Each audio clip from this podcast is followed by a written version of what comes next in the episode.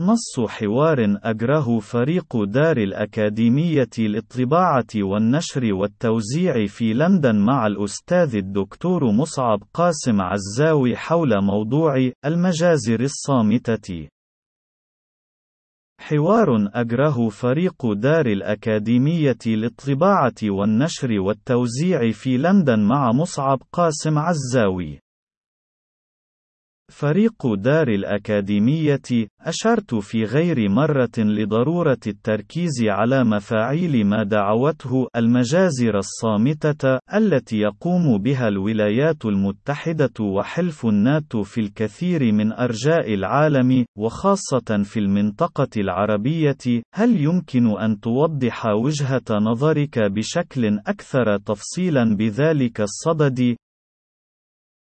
مصعب قاسم عزاوي ما كنت أشير إليه ودعوته المجازر الصامتة كان يعني بالتحديد الحرب الوحشية المستمرة التي لم تنقطع خلال العقدين الأخيرين بقيادة الولايات المتحدة وأذنابها وتوابعها العالميين في غير موضع من أرجاء الأراضين باستخدام الطائرات من دون طيار والتي أصبحت كالبعبع الذي ينتظر يظهر الانقضاض لتهشيم عوائل ومجتمعات بأكملها تعيش تحت وطأة الخوف المقيم من لحظة إطباق الطامة الكبرى ممثلة بصواريخ الطائرات من دون طيار عليها في سلسلة لم تنقطع من المجازر وثقها كتاب الصحفي الطليعي جيرمي سكيهل جيريمي سكهل في كتابه المهم الذي حمل عنوان The Assassination Complex والذي يمكن ترجمته إلى اللغة العربية مجمع الاغتيال والصحفي المخضرم نيك تيرس نيك تورس الذي حمل عنوان Tomorrow's Battlefield US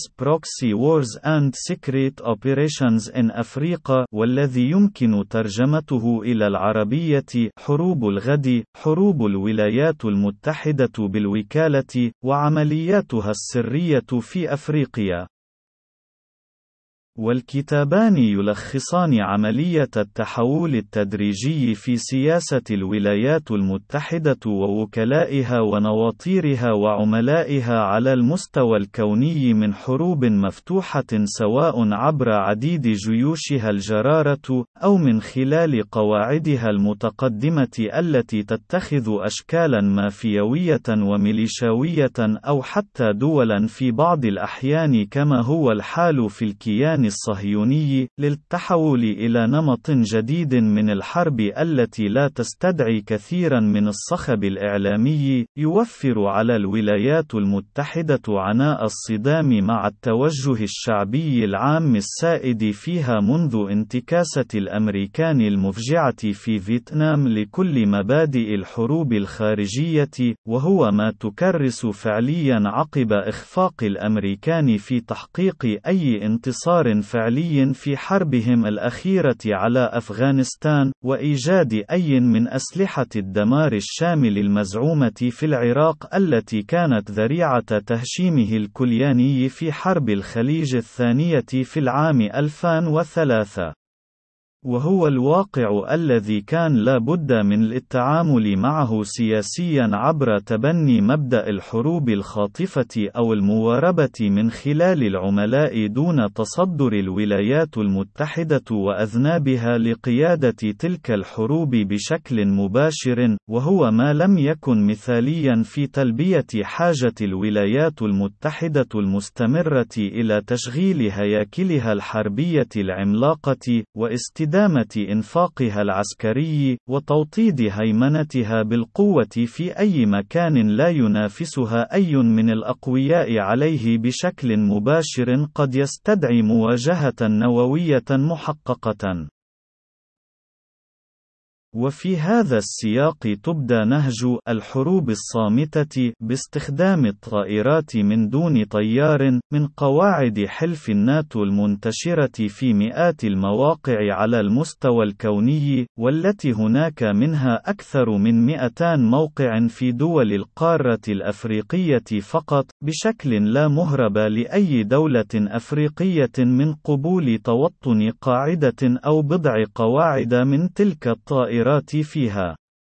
وتعمل تلك الطائرات بشكل عملي كملاك للموت يتربص بكل أولئك الذين تعتقد الولايات المتحدة وشركاؤها بأنهم يقومون بأنشطة تخالف مصالح الولايات المتحدة سواء كانت سياسية أو غيرها وهم بالتالي دريئة مشرعة لا دية على قاتلها إذ أن عملية ضغط الزر من قاعدة الإدارة الإدارة المركزية لجل قواعد الطائرات من دون طيار في ولاية فرجينيا الأمريكية، عملية لا تحتاج قرارا قضائيا، أو تحقيقا استقصائيا، أو محاكمة عادلة لمن وقع حق الإعدام بحقه، أو حق الدفاع عن نفسه قبل نبذه من الحياة الدنيا أمام هيئة محلفين محايدة بالشكل المضمون نظريا في القانون الأمريكي الأمريكي. وهو الواقع البائس الذي أسهم ويسهم كما وثقه الكتابان السالف الذكر، بالإضافة إلى عدد من التقارير الصحفية الطليعية، في تشكيل حالة من الرعب المقيم لدى المجتمعات التي تئن تحت وطأة هول تعرض أي من أفرادها للقصف بصواريخ الطائرات من دون طيار، والتي تحل دوما كملاك الموت دون كثير قعقعة لأسلحة الفناء التي تحملها سوى ذلك الناجم عن أزيز محركاتها التي بالكاد تصدر أي ضجيج. وما يزيد من وطأة الرهاب المريع منها حلول موتها الزؤام بشكل صاعق ومباغت دائما، ودون أي سابق إنذار يمكن من سوف يحل عليه قضاؤها الدفاع عن نفسه بأي من الطرائق الفاعلة أو غيرها، حتى لو كان استنجادنا معنويا لا طائل منه بمن في السماء أو بأي مغيث محتمل. والناتج الطبيعي لذلك الحال كان أيضا بحسب تلك الدراسات ازديادا مضطردا في الميل المتأصل لدى كل من وقع جرم الترويع بحقهم للسعي بأي شكل للانتقام من أولئك الذين حولوا حياته جحيما في معادلة ناتجها العفوي دفع الكثير من البشر المسالمين العزل إلى أحضان المتطرفين ووعي التطرف الذي لا يبصر من الألوان سوى لون الانتقام ممن أذله وحول حياته جحيما.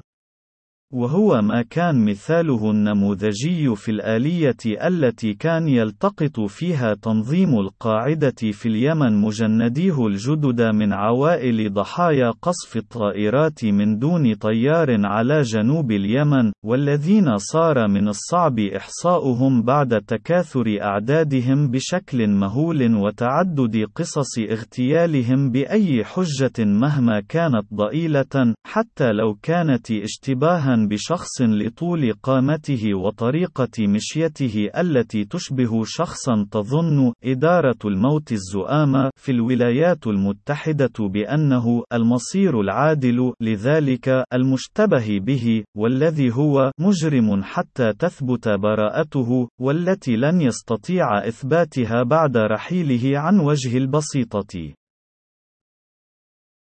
ولا بد في هذا السياق من الإشارة إلى أن نموذج المجازر الصامتة نمط يمثل الإخراج الأكثر نجاعة للغول الأمريكي في إثبات قوته الشمشونية على المستوى الكوني، نظرا لأنها تتم عبر تقنية القتل عن بعد، والتي تضمن عدم تحمل عديد الجيش الأمريكي وأذنابه في حلف الناتو لأعباء أي تكاليف بشرية عسكرية محرجة أمام الرأي العام في الغرب، وهو ما يتوجسه ساسة الولايات المتحدة دائما، بالإضافة إلى ميزة إضافية تتمثل في استعراض القوة الغاشمة بأكثر تجلياتها التقنية المعقدة على مجتمعات عزلاء من كل وسائل الدفاع عن نفسها عسكريا وسياسيا وإعلاميا، بشكل يوطد الهدف الاستراتيجي من الحرب الكونية المستمرة التي لا بد أن تكون من دون أي ضحايا بشرية